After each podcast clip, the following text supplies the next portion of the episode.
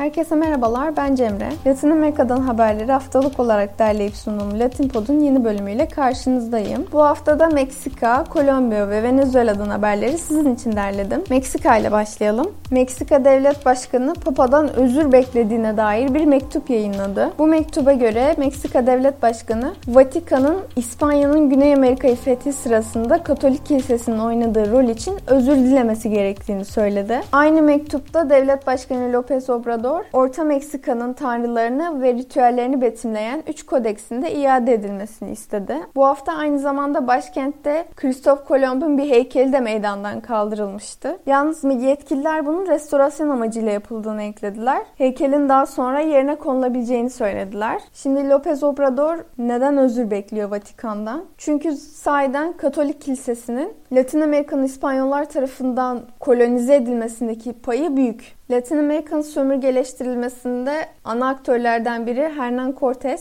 İspanyol Fatih ki en çok Aztek İmparatorluğunu fethetmekle ve İspanya adına Meksika'yı ele geçirmekle tanınır. Hernan Cortés, Katolikliğin Amerika'nın sömürgeleştirilmesinde oynayabileceği rolün farkındaydı. Bunun yanında İspanyol Krallığı'nın derdi aslında İspanyol İmparatorluğu'nun yayılmasıydı. İspanyol İmparatorluğu'nun genişlemesiydi ve onlar da bu toprakları ve üzerindeki yerli halk kolonileştirmenin birinci yolu olarak Katolik Kilisesi'ni görüyorlardı. Katolik Kilisesi'nin yayılmasını görüyorlardı. Ki zaten en başında bu yayılmanın önemli motivasyonlarından biri Hristiyanlığı yaymaktı. Tabi tüm o servetin yanında. Dolayısıyla Papa da Latin Amerika'ya giden kaşifleri desteklemişti. Cortez'in fethi başarılı olduktan sonra daha fazla insan cesaret aldı bundan ve bahsi geçen topraklarda yaklaşık 300 senelik İspanyol hakimiyeti başlamış oldu. Bu toprakları bölüp yönettiler ve her birimden İspanyollar ve bazı Hristiyan olmuş Aztekler sorumlu olmuştu. Bunların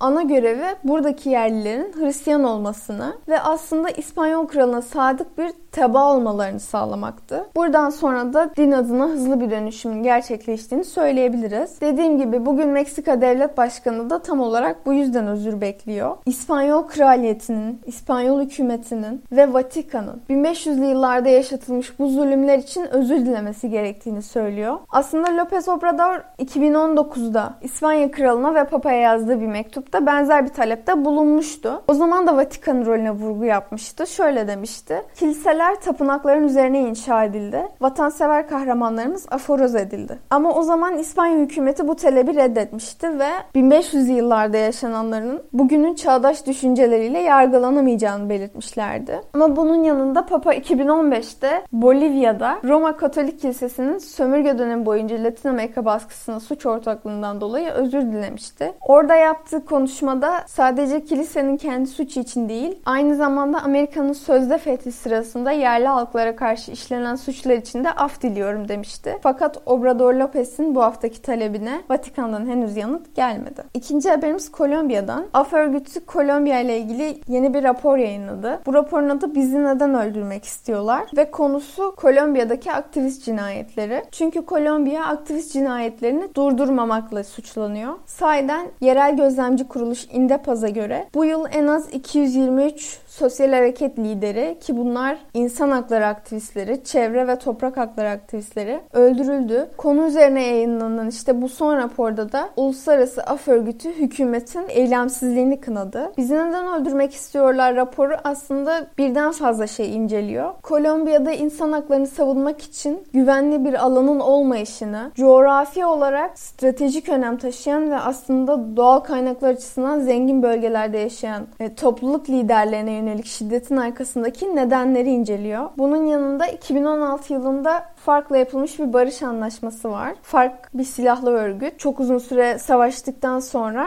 bu barış anlaşmasının artık sahiden de iç savaşı sonlandıracağı düşünülmüştü. Fakat bu raporunda AF örgütü bu barış anlaşmasından beri hükümetin uyguladığı koruma önlemlerinin etkisizliğine bakmış. Raporda aynı zamanda insan hakları savunucuları COVID-19'un etkilerinden bahsetmiş. İddia iddiaları Covid-19'un devlet tarafından sağlanan korumaların azaltılmasına neden olduğu. Af Örgütü Amerika Direktörü Erika Guevara Rosas da yaptığı açıklamada Kolombiya yıllardır insan haklarını, topraklarını ve doğal kaynakları savunan insanlar için dünyanın en tehlikeli ülkelerinden biri olmuştur dedi. Açıklamanın devamında teoride Kolombiya bölgedeki en kapsamlı koruma sistemlerinden birine sahip olmasına rağmen bu sistem etkisiz çünkü yetkililer savunuculara yönelik toplu şiddetin yapısal nedenlerini ele almak için önleyici tedbirler almayı reddediyorlar diye de ekledi. Zira aslında kağıt üstünde alınmış önlemler var. Bunun için oluşturulmuş bir kurum dahi var. Ancak etkili kullanımları söz konusu değil. Dolayısıyla buna yönelik bir kampanya da başlattı Af örgütü. Son haberimiz Venezuela'dan. Maduro'nun yeni bir iddiası var. Venezuela Devlet Başkanı Maduro, Kolombiya Devlet Başkanı'nın Venezuela'da 6 Aralık'ta gerçekleşecek seçimleri sabote edeceğini iddia etti. Canlı yaptığı açıklamada sizinle konuştuğum sırada Kolombiya'da ulusal ordu ve istihbarat yapılarının yetkisi altında binden fazla paralı asker hazırlanıyor dedi. Kolombiyalı mevkidaşı Ivan Duque'nin olaydan sadece haberdar olmadığını, aynı zamanda bu terörist paralı askerlere koruma ve destek sağladığını da dile getirdi. Kolombiya ile Venezuela arasında ilişkiler bir süredir gergin. Maduro aslında Kolombiya başkanını düzenli olarak kendisini devirmek için planlar yapmakla,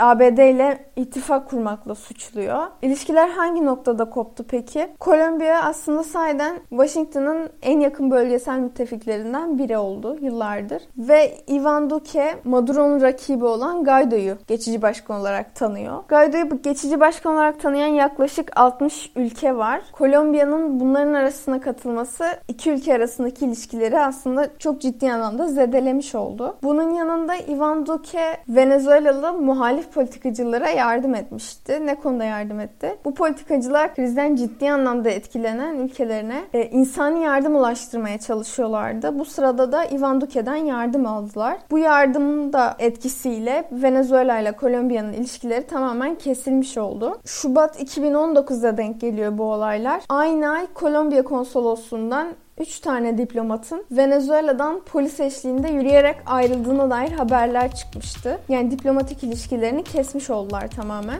Sonra aslında 2020'nin Ocak ayında Maduro Kolombiya ile diplomatik ilişkileri tekrar başlatmak istediklerini ima etmişti. Ancak Kolombiya Devlet Başkanı bu teklifi reddetmişti. Amerikan başkanlık seçimlerini kimin kazanacağına bağlı olarak bundan sonra Kolombiya ve Venezuela arasındaki ilişkilerinde değişip dönüştüğünü görebiliriz. Bu haftalık Latin Amerika'dan aktaracaklarım bu kadardı. Haftaya görüşmek üzere, hoşçakalın.